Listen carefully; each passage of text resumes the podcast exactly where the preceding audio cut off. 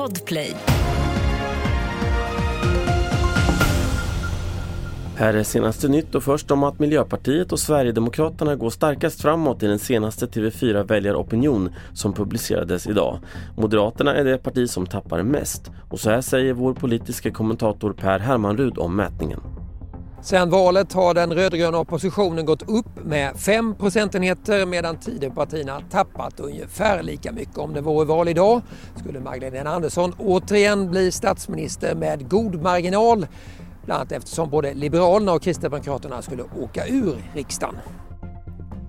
De två programledare som anklagats för att hylla Hamas får inte längre medverka i sändningarna på den arabiskspråkiga nyhetssajten Al-Kompis, skriver branschtidningen Dagens Media.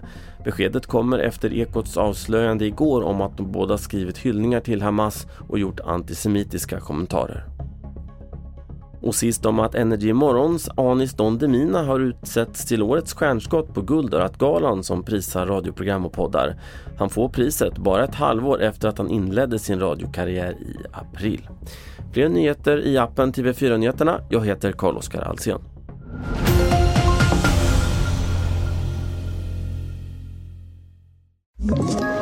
Ett poddtips från Podplay. I fallen jag aldrig glömmer djupdyker Hasse Aro i arbetet bakom några av Sveriges mest uppseendeväckande brottsutredningar. Går vi in med hemlig telefonavlyssning och, och då upplever vi att vi får en total förändring av hans beteende. Vad är det som händer nu? Vem är det som läcker? Och så säger han att jag är kriminell, jag har varit kriminell i hela mitt liv men att mörda ett barn, där går min gräns. Nya säsongen av Fallen jag aldrig glömmer på Podplay.